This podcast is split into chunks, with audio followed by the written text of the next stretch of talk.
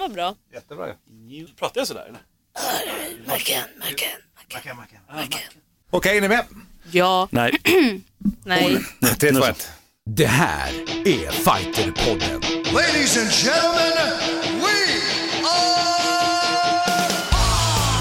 I'm not surprised, motherfuckers. Touch gloves. Get ready for war. And ladies and gentlemen, the mauler, Alexander Gustafsson. Oh my God! Double leg. He just got double leg. I'm gonna show you how great I am.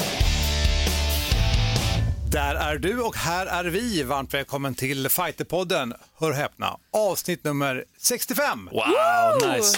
Pensionsålder. Ja, det är Dags att pensionera sig. Ja. Nej, I, inte, inte i Sverige nu, för nu, nu, ska nu måste vi jobba längre. Fast det är, då det, bör, det är då man börjar leva har jag hört, eller hur? Det är då Är man kan göra ännu mer grejer. Så alltså att pensionsåldern nu kommer börjar vara det. 73 eller någonting tror jag. Får vi 83. kalla det för passionsålder istället? Här har du Där har vi norrländsk humor på hög nivå. Det var Elin Blad. göteborgskt. Ja, men det lät som norrländska.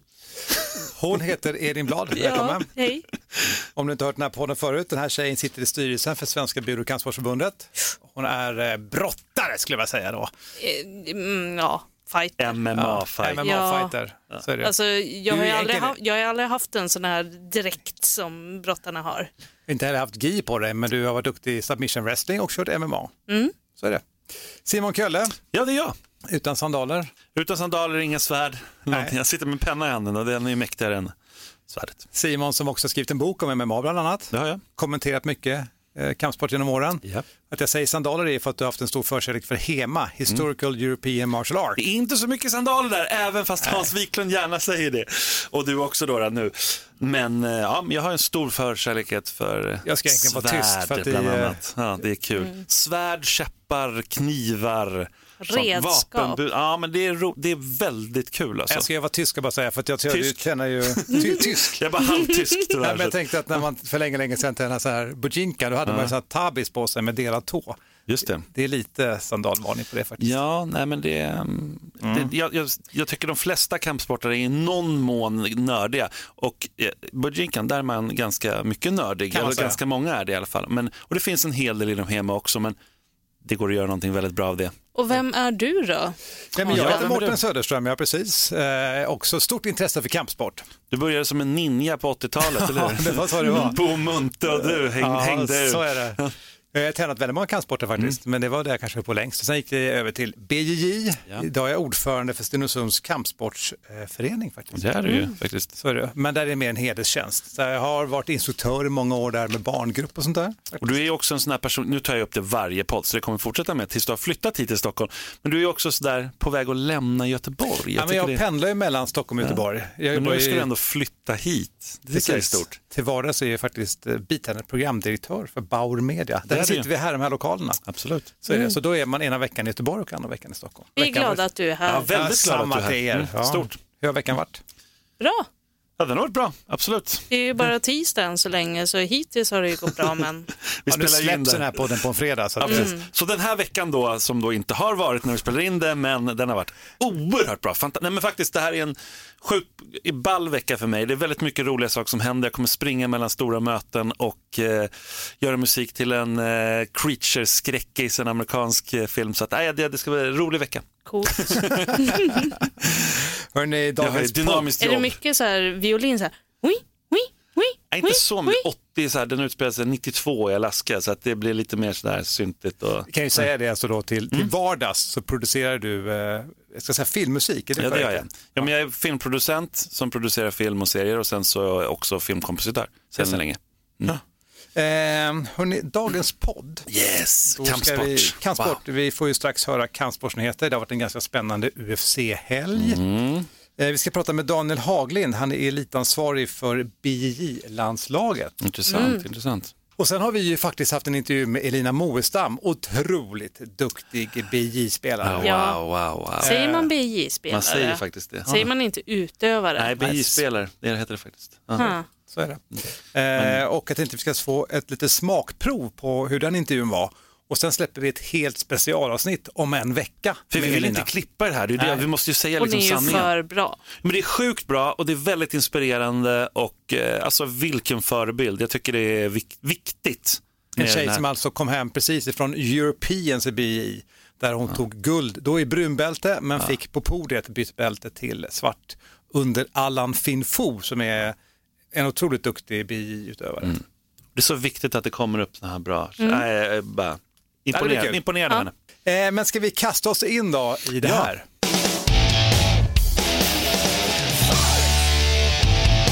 Vad har du att berätta idag Simon Kölle? Det är kampsportsnyheter. Ja, och jag brukar alltid börja med MMA och framförallt UFC, så tänkte jag göra tvärtom idag. Börja prata om Europeans i BI, där Elina Moestam, som ni kan lyssna mycket på här i podden och ännu mer i specialavsnittet, hon vann ju guld, brunbältesklassen. Och eh, under prisutdelningen då så fick hon också sitt svarta bälte av eh, Finfo, Allan Finfo på Allstars, vilket är väldigt stort förstås. Eh, inte nog med det så fick hon också elitidrottsstipendium av Svenska Spel på Idrottsgalan. Så att, alltså, vilken, vilka dagar hon har haft, Mårten. Ja, häftigt. Det, det är fantastiskt verkligen. Och på samma tävling då så hade vi också en annan svensk som det gick bra för, också i brunbälte men på herrsidan. I eh, medium heavy-klassen så tog Felix Kull ett silver. Så att, eh, utöver det så var det väl kanske, nu ska vi se här, det har jag skrivit upp här någonstans, tre stycken som gick till kvartsfinal, svenska men åkte ut i kvarten. Så att, eh, men Sverige hävdar sig ändå på hög nivå, Elin. Det är ganska coolt. Det är det absolut och nu ska det ju bli väldigt kul att se hur det går för Elina i svartbältsklassen. Mm. Hon har ju klättrat så pass fort, eh, på bara sex år har hon blivit svartbälte så det det ska bli jättekul att se hur det går för henne där. Ja men verkligen. Något ställe som vi väldigt sällan pratar om, men det faktiskt finns väldigt mycket kampsport där. Det är lite lustigt. Det här är absolut första gången det här nämns, tror jag i alla fall, här i, podden. Och det är Åland. Vi har inte pratat så mycket åländsk kampsport. Nej. Och det är stort där, alltså väldigt stort. Nu hade de en egen idrottsgala som inte förstås är lika stor som vår idrottsgala men påminner lite mer om kampsportsgalan med tanke på att det var så många kampsportare som fick priser där. Jag tycker man ska ta upp det. Att det var ju eh, judoklubben i Polen, den fick pris där. Där fick Diana Lindström pris för årets barn och ungdomsledare. Kim Gylling vann årets eldsjäl och representerar Mariehamns taekwondo-klubb. Alltså, Åland, har, ni- har ni någon koll på Åland? Har ni varit Nej, där? Nej. inte alls. Nej, men jag tycker vi kanske ska ha det då. För det, nej, men, det- nej, men det, tydligen är det så här, det har blivit så av någon slump. Jag kollade, fick reda på det här bara från sid, sidlinjen typ. Och då var det verkligen så här att nej, men det är sjukt stort med kampsport fast det är så litet på Åland. Ja. Alltså det, det är fascinerande, det finns väl överallt, det är väl det. Judo tycker jag vi pratar lite om. Franska legendarisk judostjärnan Teddy Rinier, eller Rinier kanske han uttalas. Han har ju alltså inte förlorat på tio år. 154 raka segrar på alltså den högsta, högsta nivån Alltså, i judo. Så att det är liksom en sån här überstjärna. Och nu då på, i Paris eh, på en gala eller på en tävling där så förlorade han. Och, Och det, var liksom, det är så lustigt, vi har inte tagit upp honom här då, han är fan, helt fantastisk judoka, men vi tar upp det när han förlorar. Men han möter en 24-åring, sin stora rival från, från Japan, Kegu, Kegiura eh, Kokoro, som han förlorade på då. Det var alltså en grymt jämn match, jag såg matchen, tyckte det var bara hur grymt som helst. Golden score, jag vet inte om du känner till det, men det är liksom om det blir, alltså det är sudden death kan man säga. Okej. Så jag tror att de höll på sex eller sju minuter där utan att få till någonting och det var verkligen så här ställningskrig. Till skillnad då mot den här matchen med Alexander Gustafsson där och när det var ställningskrig fast det liksom inte hände någonting. Så här var det liksom det var verkligen intressant att följa. Kommer någon slå honom också här? Och, eh, och, han, och så går ju han då, Teddy, på en Uchimata och blir kontrad av han eh, Kokoro som eh, med Uchimata Suka, Sukashi. Jag vet inte om du känner till vad, vad det är. är en uchimata? Uchimata är ett väldigt känt kast och eh, Sukashi det är alltså då att man kan säga att Ska vi se om jag kan förklara det i huvudet så här. Då, man går på en uchimata och så kliver man oftast bak med, med benet, när man, alltså den som man gör uchimatan mot. Och det gör att, och sen så vrider man och eh, vänder sig lite åt sidan. Så då gör att den här personen faller. Det blir liksom ett kast. Man blir kastad själv då när man försöker kasta- kasta. Sukashi, då lyfter man upp benet istället för att dra den bakåt då. Jag tror att du får visa på Mårten. Så. Nej, vi undviker det, men alltså, principen är att du landar väldigt platt med Ja. Uchimata. Precis, men det, det är alltså, ja, det, det, fan nu insåg jag hur svårt det är att bara förklara ett eh, Ja, jag begrep judo. inte mycket där, men jag tänker att jag kan youtuba det sen. Jag ska säga på en gång, du som lyssnar på podden som vanligt är fighterpodden at fightermag.se. Så kan ni skicka in och eh, kanske förklara mer i ord hur man tekniskt förklarar Eller, Uchimata. alltså, kanske, eller typ kolla YouTube, det finns säkert där eller någonting. Eh, svenska Anna Bernholm som vi har nämnt flera gånger i judo, hon ju- har ju vunnit VM och hon är ett stort OS-hopp nu i sommar, det ska bli så coolt. Hon tävlade där också och mötte eh, ja, världseliten förstås där i, i, i Frankrike och eh, hon kom, fick brons där. Men hon vann alla sina matcher upp till det, jag tror att det var tre eller fyra matcher på armbar. Så hon är ju så här, och det, jag såg en av de matcherna, det var riktigt, riktigt schysst och det var mot den tidigare tror jag världsmästaren. Som, eh, ja, det var ju, hon är grym alltså. Hon är, har rikt, här, lite Ronda Rousey armbar eh, tjej det här Anna Bernholm. Kul. Det, nej, det ska bli så jäkla kul att följa henne med det är små marginaler på den på den nivån. Liksom. En, eh, nu, går, nu kommer vi in lite på MMA. Alltså, där har vi en fanfavorit, eh, Adam Westlund. Som ju hade en riktigt cool match, mot, cool match mot Robin Roos där på Spear Challenge. Han har fått ny match. Han ska möta Joakim eh, Tollefsen från eh, Norge. Som är, har 5-2 5-2-1 i record och det på, kommer vara på en gala som heter Lord of the Cage 2. Som är i Gävle 4 april. Men det är kul att följa. Jag menar, han, han har ju något Nate Diaz, Diaz-bröderna över sig den här Adam Westlund som, som är väldigt häftigt. Eh, men då hoppar vi tillbaka till lite annan traditionell kampsport. Kendo-stjärnan Nils Björkegård, han har blivit graderad till sjunde dan. Säger det, det någonting? Ja, det är högt. Det är väldigt högt, eller hur? det är, Han blev den tredje nu som, i Sverige, någonsin som, som får eh, sjunde dan. Jag vet inte exakt vad det betyder, alltså, förutom att han är förstås otroligt duktig. Men, alltså, han har varit med rätt länge, jag har inte jättekoll på honom, men det är ju sådär, du vet, liksom, någonstans så får du de här dangraderna, alltså när du är uppe på den nivån. Jag ska inte säga att det är hedersgrader, Ja, just men det. det är fortfarande så att liksom, du får den för att alltså, du behöver inte vara jätteaktiv längre som utövare, Okej. men du kanske är klubbinstruktör, du har en klubb och så på det sättet så att säga, av liksom lång och trogen tjänst så får du, det är lite olika i olika kampsporter ska jag säga. En del kräver fortfarande att man kanske fortfarande fightas och sånt där, att man tävlar aktivt. Eh, Jag kan inte exakt hur det är med kendo. Nej. Nej, jag har bara varit nere några få gånger och, och kört. Och, ja, det kommer jag prata Jag om körde någon det i annan gång. min ungdom faktiskt. Jag gjorde du det? Ja. Ja, det var ganska kul. Eh, vi har haft två UFC-galor sedan vi hade podd här sist och eh, det har varit en fight night, eh, Blades vs Dos Santos. Såg du den, Elin? Nej. Inte, där, såg du den Mårten? Curtis Nej. Blades mötte Junior Dos Santos, vann TKO andra ronden. Och eh, på samma gala så hade vi eh, Michael Chiesa som eh, slog den tidigare mästaren Rafael Dos Anjos i en match. Och sen hade vi Lina Länsberg där på den galan också. Och eh, tyvärr så åkte hon ju på, alltså förlorade ganska tydligt domslut mot Sarah McMahon. Hon hade inte mycket att ge henne. Sarah McMahon är förstås otroligt skicklig brottare. Eh, och hon brottade ju faktiskt sönder eh, Lina Länsberg där. Jag tyckte ändå Lina var rätt bra, men hon det var, det var bara att det var liksom, ska säga, det, nu låter jag nästan lite elakt, men lite klasskillnad var det. Alltså, hon eliminerade Linas spel genom det. Ja. Eh, och det var, det var, hon fick lite kritik för varför gick hon in och clinchade i tredje ronden och sådär. Men det lättare sagt än gjort hon måste ändå förlita sig på sitt. Hon har en skitbra thai-clinch också, men det var bara att Ja, så här, du vet, Ja. Lina, Elbow, Queen, Länsberg, men de Och- kom inte. Får ingen utväxling för Nej. det. Nej, det är svårt, tufft. Men eh, vi, alltså, det har gått så bra för Lina nu. Jag, man vill se henne vidare. Tror du att hon bouncear tillbaka från det här? Ja, det tror jag. Jag tror absolut det. Jag tror att hon är där uppe, men, men nu har man ju sett ett sätt. Så uppenbarligen kan hon ju förlora då av en riktigt bra brottare och det, det, måste hon ju på något sätt råda bot på. Och det har ju ändå vissa strikers gjort tidigare så, att, så det, det skulle ju kunna gå. Sen har vi haft eh, UFC 247. Där behöll ju mästaren John Jones sitt eh, bälte och även Valentina Shevchenko behöll också sitt bälte där. Ehm, och eh, lite kontroversiellt säger vissa, inte då Valentinas vinst, men John Jones, jag kommer gå in på det lite för vi har fått sjukt många som har hört av, oss, av sig och pratat om den här matchen. Men, eh, och sen hade vi Ili Latifi som gick där på den, eh, på den galan också. Ja. Och eh, ja, vad säger ni? ja, men först Ila Latifi, första gången han går upp i tungvikt. Jävlar vad stor han var. Ja, Inte första gången, får jag rätta dig där? Okej. Men i UFC första Jaha. gången. Ja, UFC. Han började Okej. faktiskt sin karriär i, i tungvikt. Just det. Jo, men han går upp. Men eh, längdskillnaden mellan Ja, de men två. sen är det Black Beast då kommer Ja. upp, som är så mycket större. Och då tänkte jag det här, hur ska det här gå till? Eh, Jag tyckte ändå att alltså, Ili körde ju nästan 100% brottning Mm. Eh, och eh, The Black Beast hade ju sparkar och slag och sånt där. Och eh, ja, men ändå fick ju den här lyftkranen ner Black Beast. Och han är ju, han är ju kass på backen. Det var faktiskt något tillfälle när han fick ner och jag bara var så irriterad på att inte Ilir var mer aktiv när de låg i en halvgard. Så domarna tog upp dem, så att det var i andra ronden, whatever. Hände två gånger. Ja, bara, nej, där hade du din chans. Det var där du skulle liksom eh, tagit den här matchen. Iller är inte dum, han visste också att eh, där, där han är stark då, Derek Lewis, det är ju just att när man passerar till eh, side, och han gjorde det i tredje ronden och då reste sig också. Ja, exakt, han han var på att tappa byxorna, jag vet inte om du kommer ihåg det.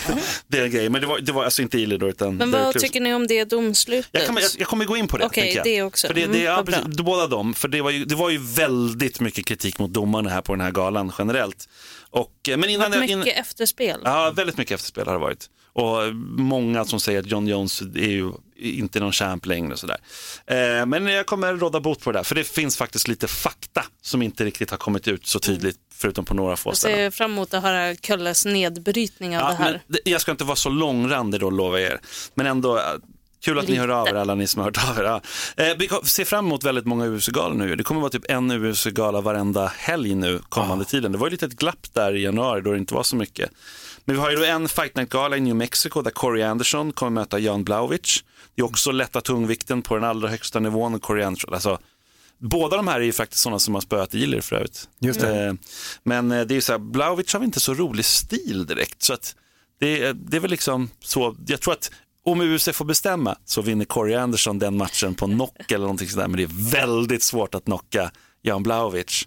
För det blir lite så här, vem ska John Jones möta nu? Och, ja, direkt rematch mot Reyes, nej det är inte väldigt sällan det händer. Och Alexander Gustafsson har dock eh, varit ännu tydligare nu på att han kommer att åka till USA på någon form av läger och eh, han kommer komma tillbaka.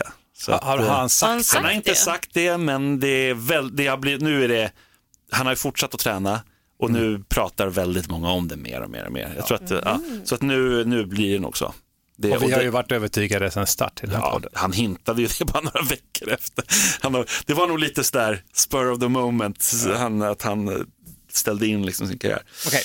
Men, och sen har vi också då en- veckan efter det, om eh, vad blir det, en och en halv vecka då, eller något sådär från när den här kommer ut, så kom, är det en gala i Nya Zeeland. Och där kommer vi att se Paul Felder möta Dan Hooker. Och jag menar, Dan Hooker han gjorde en fantastisk gala sist där, det var i Australien, jag vet inte om ni kommer ihåg det. Det var ju co-main event där på, på den galan när vi såg Israel Adesanya ta bältet av Robert Whittaker. Eh, han är vass alltså, Dan Hooker. Och Paul Felder, ja, han är en bra kommentator men också en bra fighter. Men när vi ändå pratar om MMA så ser vi ju verkligen fram emot en gala i Västerås. De levererar många galor nu. Bra grejer det som händer i Västerås. Det är någonting i gröten där. Det är 29 andra eh, så kommer det vara FCR 6 då, vad är det? Fight Club Rush 6. Och där kommer vi få se Tobias Harila. Väldigt spännande och väldigt kul fighter. Går huvudmatchen mot Fernando Flores. Så det är Fernando Flores som utmanar alla känns som och vill gå. Umeåsonen. Ja, verkligen. Alltså, det är en han är en tuffing. Liksom. Sen kommer vi se Arman Poppar bland annat möta Ahmed Villa som är liksom ett hemmahopp. Nej, det kanske han inte är, men det är en väldigt tuff match i alla fall. Och, och vi kommer få se Amir Malekpour som möter Ilas, eh, som är väl, eh, vi hade haft här också. Han var, ju- han var ju typ här i podden, va? Det är Panik Jansads eh, kille. Just det. Eh, Hoger som gjorde en väldigt bra eh, eh, karriär som amatör kommer gå där, Homer Salih. Eh, och möta Ali Taleb som också, alltså, det, det är roligt det här för man känner igen så många namn från amatörscenen och de var väldigt duktiga där och nu kommer de upp och är liksom proffs. Och på den här galan är det ju så, vi snackar ju med Jesper Ja. Gunnarsson som är ordförande i MMA-förbundet. Han pratar ju om det att de här galorna har kombinationen av proffsfighter och amatörfighter, för du får Ja. inte ihop galorna annars. Och här är ett ganska stort underkort. Tio matcher räknar jag till nu kommer vara på underkortet och Just de det. är amatörmatcher. Det är väl, det är väl antagligen A-klass då, tänker jag att det är. Borde Just vara. det. Så att Och det, jag är- göra lite reklam till kan jag säga att vill man se den här galan Mm. och inte kan åka dit till Västerås så kollar man då på Fighter TV. Vi har ju nämnt det titt som tätt här i podden. Mm. Eh, kan man antingen prenumerera på den, eh, 99 spänn i månaden ser man allting, eller så kan man då gå in och bara betala specifikt för den här galan och kolla på den. Kan man titta både live eller efteråt då? Också efteråt. Det där, det där tycker jag är grymt, att man kan kolla efteråt. För det är just där, det finns alltid en lust att gå tillbaka och kolla Just det. liksom, mat- matcher. Men hur var det där och så här och jag, jag, rekommenderar alla att göra det också när det är, om ni ska titta på typ Tobias Harrela eller någonting, så gå tillbaka och kolla på tidigare matcher med honom. Och sånt. Det, det där sånt är roligt tycker jag. Mm. Okej, okay, MMA och UFC.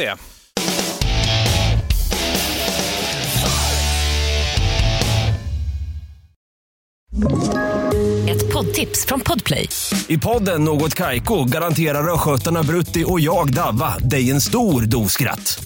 Där följer jag pladask för köttätandet igen. Man är lite som en jävla vampyr. Man har fått lite blodsmak och då måste man ha mer. Udda spaningar, fängslande anekdoter och en och annan arg rant. Jag måste ha mitt kaffe på morgonen för annars är jag ingen trevlig människa. Då är du ingen trevlig människa, punkt. Något Kaiko, hör du på Podplay. Därför är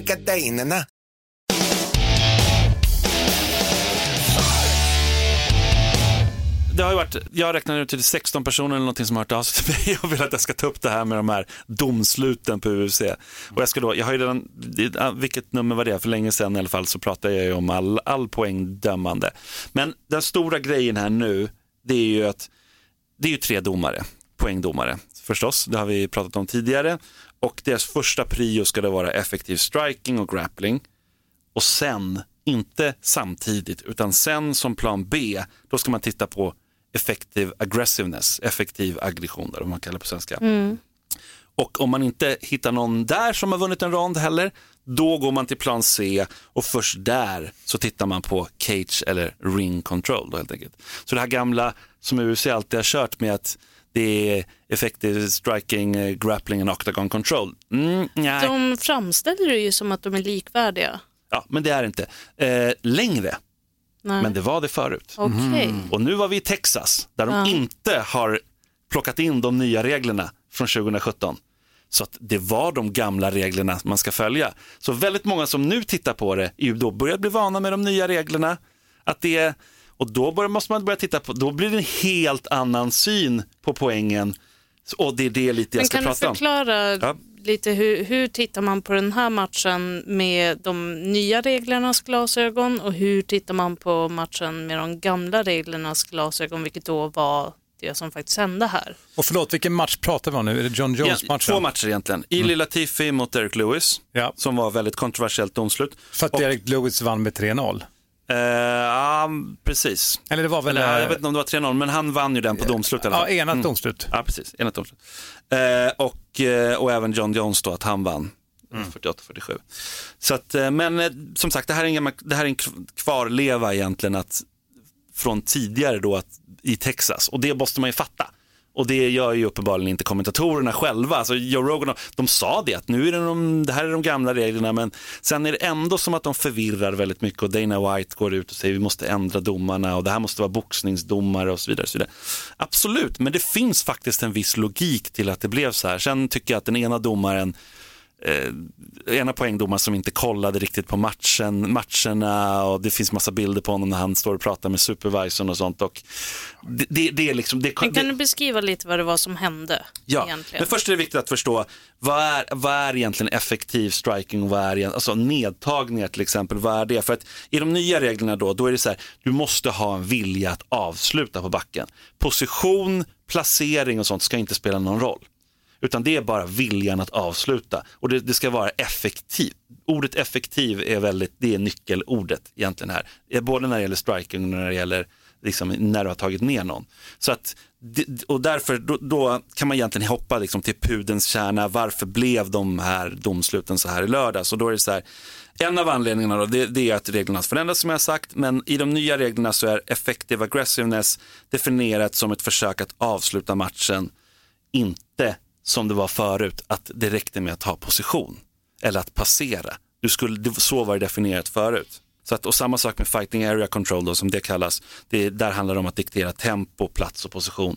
Nu ska, det, nu ska man inte ens titta på det Är det så? i de nya reglerna. Jo, du tittar på det som plan C. Om, du, om det inte gick att avgöra vem som hade mest effektivitet i striking eller grappling eller vem som var, hade effektivast aggression då, eller aggressiveness, då tittar man på Mm. Det. Men kontrollen. det är väldigt långt ner Ja, i det, priolistan. det händer väldigt sällan då start. Det är en väldigt, Okej. väldigt jämn match. Då kan man titta på det. Men i de här reglerna, då, som vi hade nu, då ser det ju annorlunda ut. Så mellan, vi hoppar till det, Ilir och Derek Lewis då. Så var, Lewis vann ju helt fair and square i båda regelsystemen i rond 1. Det kan ingen säga någonting om, jag har tittat på det igen. Och det är så här, så det kan vi egentligen skippa. Rond 2 då, så var ju matchen ungefär lika stående eh, som på backen ungefär lika lång tid. För det är också någonting, tittar man inte så noga på längre nu i de nya reglerna, gamla reglerna, då ska du titta på tiden, hur lång tid också det var och döma den först. Den, där är, om det är mest på backen och mest stående.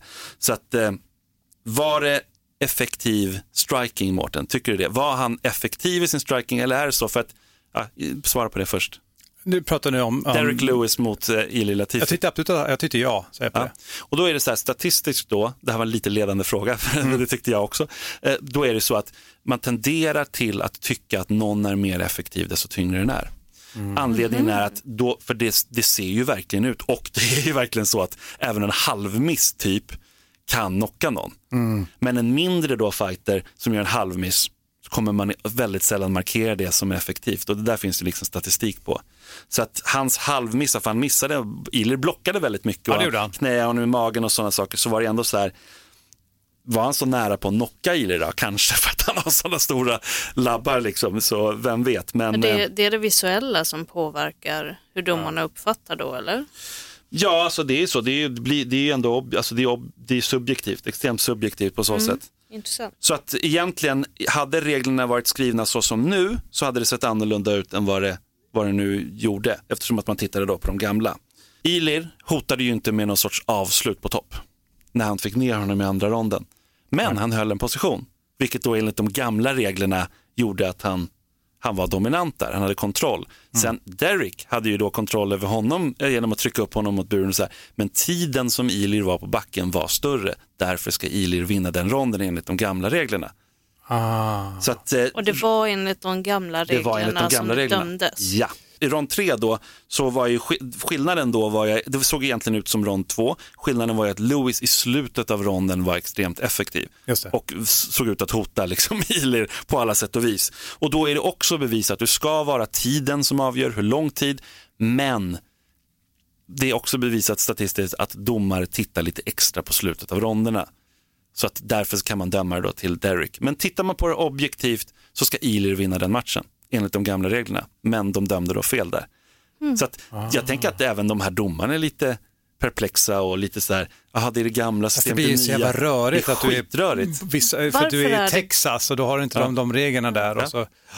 Så att det, Varför är det det gamla systemet i Texas och är det i fler det är delstater? flera delar. Ja, det är flera delar och flera ställen i världen och sånt. Så det gör det, gör det, gör det riktigt komplicerat. Så att, eh, jag skulle säga att enligt de nya reglerna då så var Derek närmare ett avslut slut och styrde strikingen men han styrde ju inte grapplingen. Men Ilir var inte tillräckligt effektiv i sin, i sin grappling. Så enligt de, enligt de nya reglerna så tycker jag nog Derek skulle vunnit den matchen. Okej. Men enligt de gamla, nej, då ska Ilir vinna den matchen.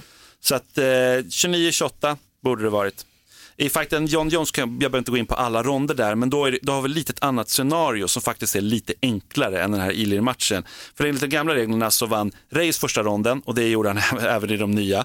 Eh, men John Jones vann den andra ronden enligt de gamla reglerna. Och det är för att John Jones styr hela den matchen. Han jagar honom hela tiden. Det ska inte spela någon roll för det ska vara effektiv striking. Och Reyes kontrade ju. En del slag fick han in, det var ju dessutom fler slag då än John Jones. Men John Jones styrde ju hela matchen. Han, ja, he, egentligen varenda rond Och i de gamla reglerna så bedöms Octagon Control, Control. som likvärdig de I andra bitarna. Det, det blev så. Det var det som var en av de stora kritikerna mot de gamla reglerna. Att det var egentligen då också så att man ska titta på effektiv striking och grappling först. And octagon control.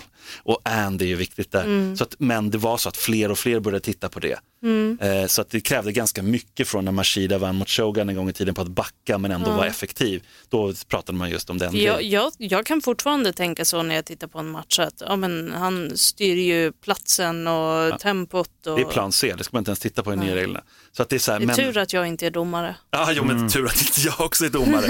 men eh, då är det så här, så att faktum är att han var mer effektiv under längre tid då, också enligt de gamla John Jones, och styrde mer. För det, det spelar ingen roll då, liksom statistiken. Ja, men han träffade honom 21 gånger, John Jones träffade honom 17. Ja, men det spelar ingen roll. John Jones var längre tid effektiv och styrde matchen längre tid. Så rond 2, 4 och 5, helt fair and square. Det går nästan inte att diskutera. Vann John Jones enligt de gamla reglerna? Så jag, jag satt där och var helt säker. Det är självklart John Jones, de här dömer ju de gamla reglerna. Så jag, jag var så här, jag hade redan liksom, jag visste redan att han skulle vinna det. Medan det bara blev totalt ramaskri. Och det är inte det att, ja, jag vet inte. Jag tror också att, alltså det, nu är du väldigt väl insatt i det Ja. här eftersom du har koll på det. Ja. Men som en åskådare, när domarna säger det här är ett enhälligt domslut. John Jones har vunnit mot Dominic Reyes. Ja. Och så såg du matchen där Dominic Reyes hotade John Jones, tycker jag, i stort sett varje rond på något Absolut, sätt. det jag sa, du fick får ingen betalning för det. Det, det är mer, skulle typ varit split decision, liksom. det här var inte helt säkert. Men det är klart att om man sen tar in en nivå till då, det blir bara rörigt nu.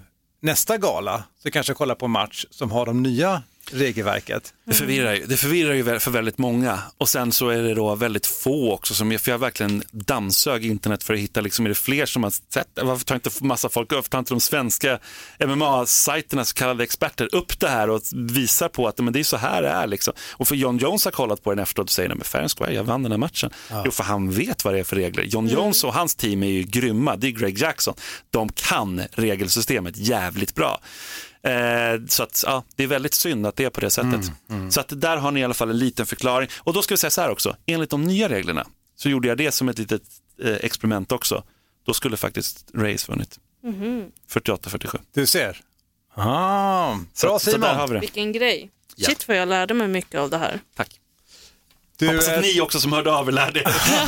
och har ni frågor om detta, hör av er till fighterpodden fightermag.se. Det kanske är bättre att höra av sig dit än att höra av sig till mig. Ni får jättegärna höra av till mig Jag också. menar att man hör sig till dig via den vägen. Du vill inte att de ska slida in i dina DMs? det gör Hörni, ingenting. hörni, vi tar och ringer telefonsamtal. Ja, Vi ska prata vi. med Daniel Haglind som är elitansvarig i BJ-landslaget. Nice. Kul.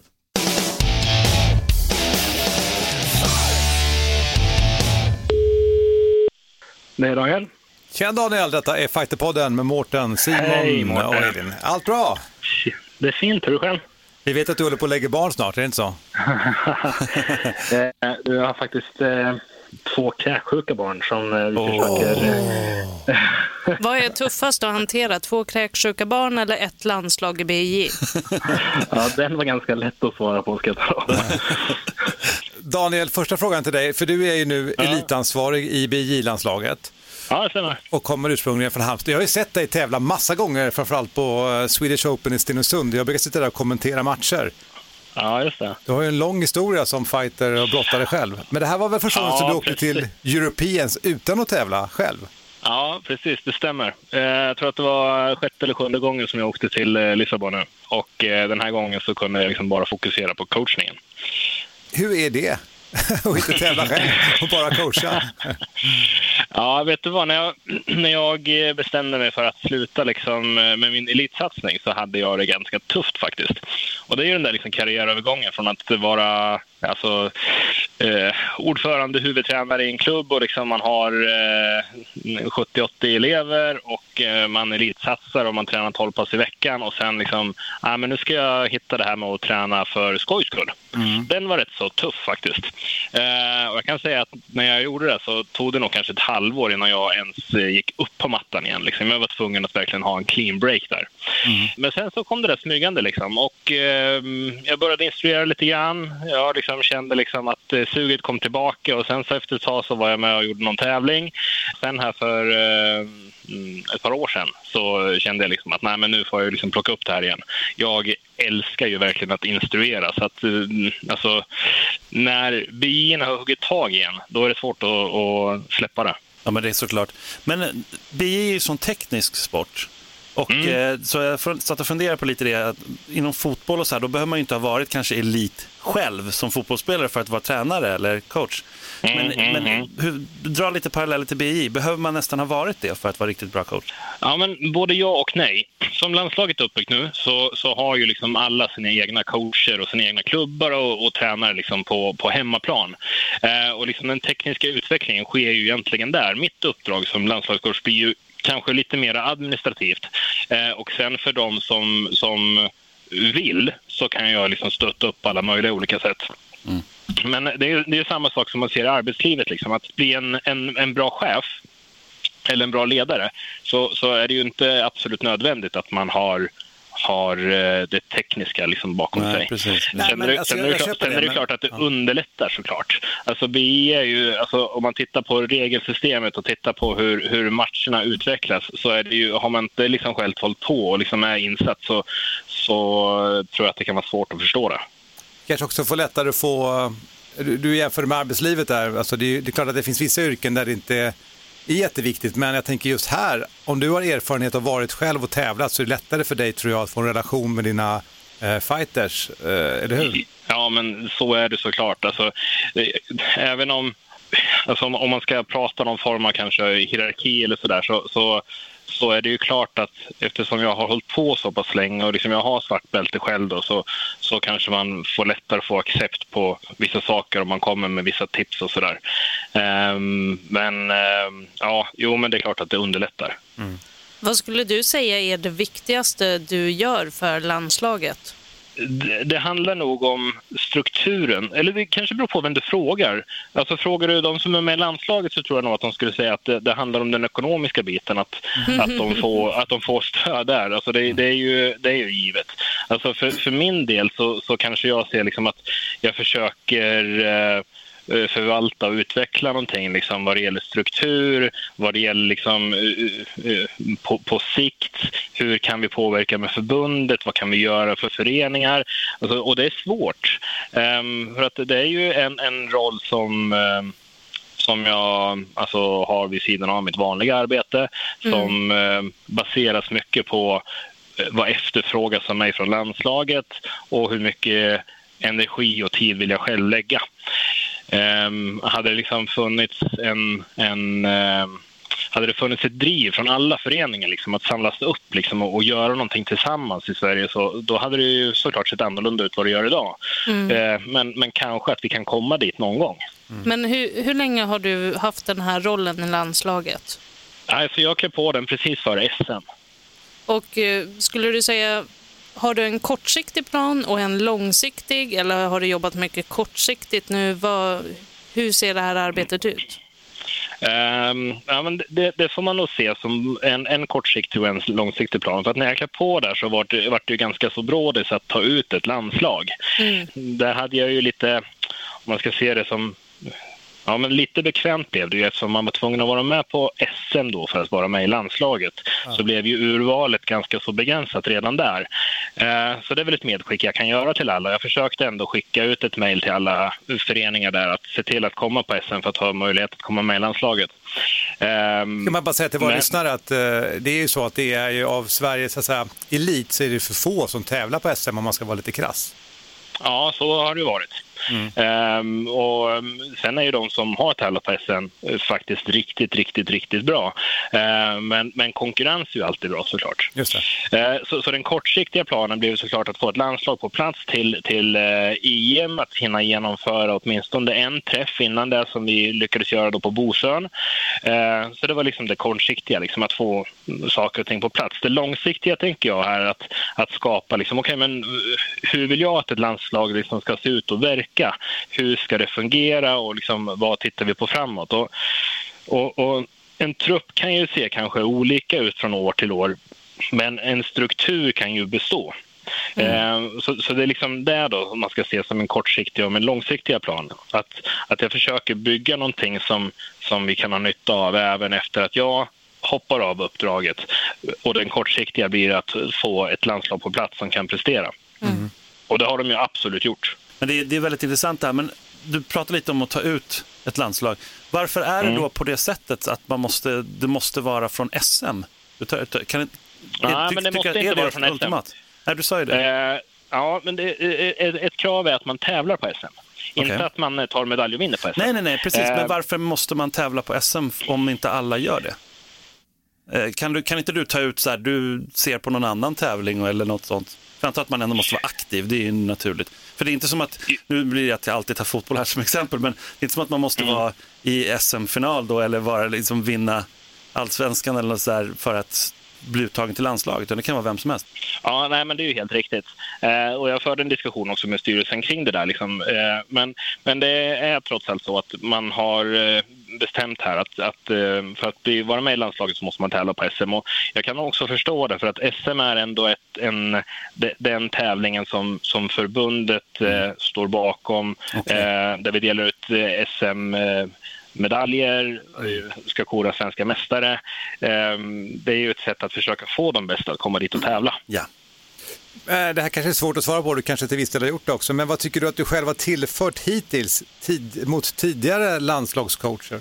Oj, alltså det vet jag inte. Jag har ju försökt att prata med de som har varit landslagscoacher innan för att liksom, alltså, vad gjorde ni och vad fungerade, vad fungerade inte? Liksom, vad, vad kan ni ge för mig för medskick? Jag tror att det är för tidigt att säga än.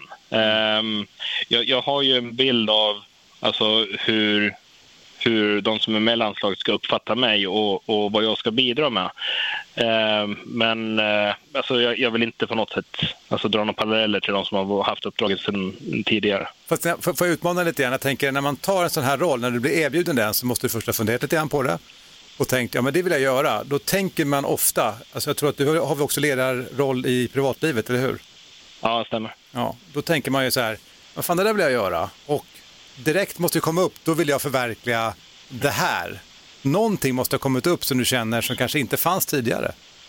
Jo, men det, det, eh, kan jag säga. Eh, men det kanske inte har direkt med landslaget att göra. Utan, alltså jag, jag har alltid haft en filosofi liksom, med min egen träning att, att för att bli så bra som möjligt så, så måste man utmana sig hela tiden mot dem som, som är lika bra och bättre än en själv. Och vi har jättebra kvalitet i svensk BI. Alltså om vi skulle kunna samla alla som, som presterade på topp, topp mm. och om vi skulle kunna träna tillsammans och om vi skulle liksom kunna ha ett utbyte så hade vi kunnat alltså, höja nivån på svensk BI ganska mycket tror jag. Eh, och det är kul att se att eh, eh, den här eh, starka teamrivaliteten som, som fanns förr inte lika stark idag. Du, ser, den vill jag fråga dig om. För just du, när du säger där att ja, men, vi vill kunna träna tillsammans och mm. du hintar lite om det nu men det har ju verkligen funnits en kultur på vissa elitklubbar att man tränar inte med andra, punkt slut. För då, ja. då ja. åker du ut. Alltså, det om jag uppfattar dig rätt så tycker du att det där kanske är mer skadligt än nyttigt för sporten? Ja, men absolut. Och det har jag alltid tyckt och jag har varit jättetydlig med det. Eh, med det. Um, och det är ju lätt att dra paralleller till, till andra kampsporter. Ta judon till exempel som inte alls fungerar på samma sätt. Där är man absolut välkommen att träna på vilken klubb man vill. Mm. Um, och, och, den rivaliteten den har ju liksom sitt ursprung, alltså sporten kommer från Brasilien där, där eh, en helt annan kultur. Och, och mm. det, alltså det går liksom inte att, att, att, jämföra det. När man lyfter in det i, i, i den svenska kulturen och svenska samhället eh, så tog man kanske med sig någonting som inte ah, riktigt okay. passar in. Men sen kan jag samtidigt förstå det. För om man, om man är några stycken som, som presterar på topp, topp så är det klart att man inte liksom vill avslöja sina hemligheter. Liksom. Men Hur man tränar, vad man tränar på. Ja, innan du började med BJ, höll du på med annan kampsport ja. då? Ja, inte, inte kampsport. Jag höll på med fotboll länge. Ja, du ser. Men eh, vi som har kampsport historiskt sett, jag vill säga att även historiskt sett liksom inom karate och klubbar mm. så var det lite grann den här du säger Brasilien, men det är också lite japanskt ska jag säga, att man inte är... Det är budo nästan. Det är budo, ja. så här, vi har vår klubb och ni har en andra. Så jag håller med om den här ja. utvecklingen bygger ju på att du faktiskt samlas liksom och tränar och hittar det bästa, framförallt om man ska ha ett bra landslag. Ja, visst. Eh, alltså, jag, som jag sa tidigare, jag hade den filosofin liksom att när jag skulle tävla för de stora tävlingarna på slutet så ringde jag ju upp och åkte ju, jag åkte ju över hela Sverige liksom och tränade och liksom, ja men eh, jag är duktig på det här. Jag vill mm. visa det. Så du kan eh, slå mig på små tävlingar i Sverige så jag tvingas bli bättre. Mm. Eh, och, och sen liksom eh, eh slå dig på de stora tävlingarna. Vi har ju Elina Moestam, men hon gjorde ett fantastiskt Europeans. Vad, ja, verkligen. Utifrån dina, du var ju ändå där och du coachade henne och allting. Berätta lite om eh, hennes insats. Ja, alltså jag coachar inte henne supermycket. Eh, Nej, men du är ändå landslagscoachen. Liksom. Ja, men precis. Mm. Alltså, men, men om man tänker den klassiska coachningen när man sitter på mattan och, och mm, försöker okay. instruktioner. Det är ju väldigt svårt på en sån stor tävling. Ja, och, och liksom, jag har ju försökt här att, att innan EM erbjuda liksom allt stöd och så till, till de som har velat. Och, och, alltså, eftersom jag också jobbar då som som idrottspsykologisk rådgivare så, så tänker jag att det finns ganska mycket som jag kan bidra med. Ja. Eh, men, men, olika personer har liksom frågat efter olika mycket hjälp. Och någon så har det liksom handlat om ja, men hur, hur hanterar man det här med sponsorer, någon liksom med, med upplägg innan, innan tävling och så. Här. Så det har varit väldigt olika vad, mm. vad de har efterfrågat från mig. Då. Men tillbaka till Elina som absolut gjorde ett ett superbra EM. Eh, och jag skrev det här i artikeln också i Fighter Mag, som, eller i, i, i, i intervjun där. Eh, alltså hon gjorde en teknisk riktigt, riktigt bra final. Häftigt. Ja, vad så kul att vara där och se det. Alltså, det här, jag vet ju hur laddningen är när Ja. svenskar fightas där nere och man vinner guld. Ja, visst. Häftigt. visst. Alltså, Ja, hela gänget som stod där på, på läktaren liksom skrek så att det ekade ju hela lokalen. Det är ju det är så jäkla häftigt när det händer. Det är så, så häftigt att Sverige är så bra alltså, på grappling. Mm. Det är fantastiskt. kul. och det finns ju, jag brukar of- ofta ta upp det och säga att det, är- för så är det inom thaiboxning också. Men inom BJ och thaiboxning, det är liksom, men vad skulle du säga, för jag frågar alla thaiboxare, vad, vad är det som gör att Sverige ändå kan hävda sig på den nivån, på den här högsta nivån? Lilla, lilla Sverige. Ja, visst. Och, sen har vi ju lilla, lilla Norge där på. Ja, lilla ja. Island där med. Han kom trea Äh. var hoppstock, gjorde han inte det? Eller vad, vad? Ja, men Langåker Ja, vann ju. Ja, just det, han vann, ja, just det. Ja. Eh, ja, det är jättesvårt att säga, men jag tror att vi har en... eh, alltså, Idrottssverige bygger på många ideellt arbetande och som, som lägger väldigt mycket tid på sin, sitt, eh, sina föreningar och sådär. Eh, vi är duktiga och vi, vi, vi tränar nog rätt så smart, tror jag. Alltså, det är inte bara mängdträning som gäller, utan varje träning måste räknas. Vi måste kombinera det med skola och med jobb och allt möjligt. Eh, så det tror jag liksom är en, en, eh, en del i den framgångssagan. Häftigt. häftigt. Mm. Du, sista frågan innan vi knyter med dig, Daniel. Mm. Alltså, hur, det kanske, det kanske är ett långt svar det här men hur blir man uttagen till landslaget? Hur fungerar det? Um, alltså, för det första, liksom, är, är, man, är man duktig och presterar på tävlingar så, så alltså, BI är inte så himla stort. Alltså, man, man, man, det, det, det, de flesta har koll på det. Eh, och jag försöker ju hålla mig ajour liksom med, med alla tävlingar som går i Sverige och kolla vilka som placerar sig, vilka som, som har gjort bra matcher och sådär. Eh, men sen måste man ju komma och ställa upp på SM. Eh, och som sagt, det är absolut inget krav att vinna SM, men ändå att vara med där. Eh, alla kan ha en dålig dag ehm, eh, eller en fantastisk dag. Alltså det är inte säkert att man blir uttagen bara för att man vinner SM heller. Eh, utan vad jag vill se, jag vill liksom se en, en, en historik av av eh, engagemang och utveckling, men också att man är en god eh, alltså representant för sporten.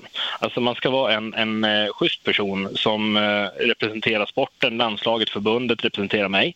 Ehm, annars så, så eh, tycker inte jag att man ska representera ett svenskt landslag. Eh, men men ehm, nu har jag valt att ta ut ett landslag och en utvecklingstrupp. Ja. Eh, och där är ju tanken liksom att landslaget, där förväntar jag mig att man redan har kommit långt i sin utveckling. En utvecklingstrupp ska ju vara en möjlighet att faktiskt utvecklas och komma dit. Eh, inte hur lång tid som helst, liksom, men, men ändå inom en snar framtid kunna ta steget upp i, i landslaget. Då. Så att, så att, eh, att prestera på tävlingar, att eh, visa engagemang och vara en god förebild. Det är väl eh, de grundläggande kraven som jag ställer. Det var en bra summering Daniel och det kan ju våra lyssnare som då tränar och tränar BJ som vill i landslaget ta med sig i framtiden. Ab- Absolut, och då vill jag gärna lägga till en sak. Jag försöker verkligen, jag har inte fått det att gå helt i låsen, men jag ska försöka få till ett läge här i början på april där jag vill liksom bjuda in eh, de som är som jag precis beskrev nu.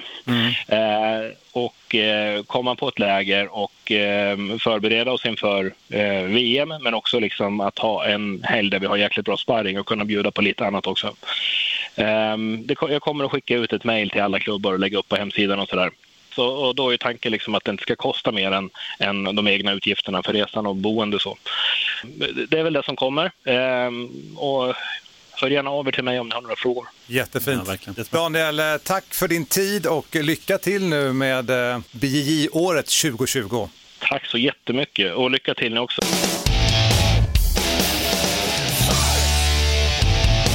Daniel Haglind, han är då elitansvarig alltså i BJJ-landslaget. Spännande år vi har framför oss. Verkligen. Men jag fick känslan att du, du hintade det någonstans, men han, han var någon sorts ledare utanför och sen sa han någonting om psykolog också. Eller något Ja, jag har inte järnkoll på vad han gör, men han Nej. arbetar nog med det, precis som han sa. Mental träning och sånt Ja, där. precis. Intressant alltså. Att det är Jag tyckte det var väldigt kul att höra vad han har liksom för både vad som har varit det kortsiktiga och den långsiktiga planen. För det, jag tror att det behövs för en, för en idrott och ett landslag, särskilt vi som inte har jättemycket resurser i kampsporten. att man har någon som faktiskt har en strategisk plan framåt. Kul, faktiskt. Väldigt kul. Och det är lite så här grundläggande också i mental träning, att man Mm. har både långsiktiga och kortsiktiga och visioner och sådär. Men om man verkligen vill grotta ner på det, då tycker jag man ska grotta ner i det här avsnittet med P.O. Lindvall. När var det Mårten?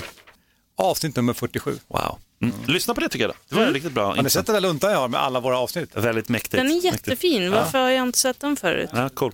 Eh, han gav ju en shout-out Daniel till Elina Moestam Ja. och sa att hon gjorde en sån fantastiskt fin final. Hon tog guld i brunbälte, sen har hon blivit svartbälte.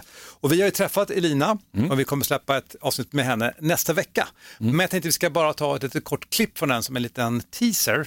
Så här berättade hon själv hur det var att tävla på Europeans.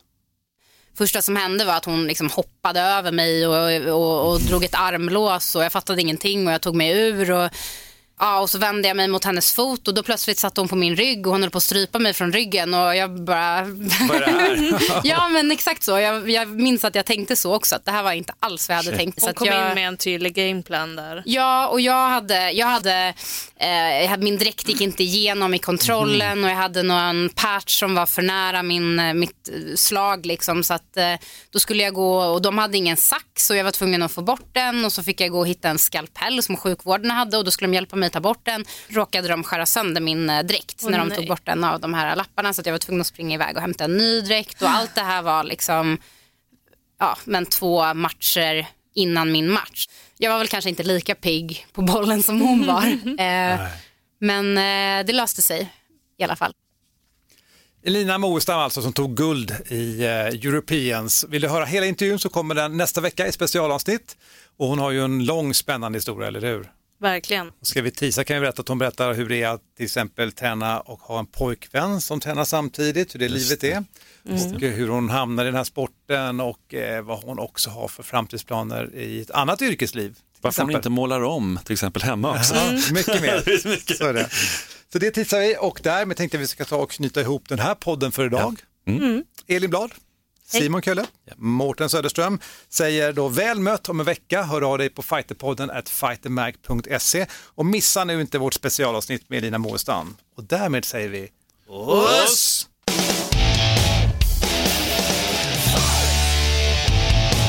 Fighterpodden produceras av Suba Media för Radio Play. Ett poddtips från Podplay. I fallen jag aldrig glömmer djupdyker Hasse Aro i arbetet bakom några av Sveriges mest uppseendeväckande brottsutredningar. Går vi in med hemlig telefonavlyssning och, och då upplever vi att vi får en total förändring av hans beteende. Vad är det som händer nu? Vem är det som läcker? Och så säger han att jag är kriminell, jag har varit kriminell i hela mitt liv men att mörda ett barn, där går min gräns. Nya säsongen av Fallen jag aldrig glömmer på Podplay.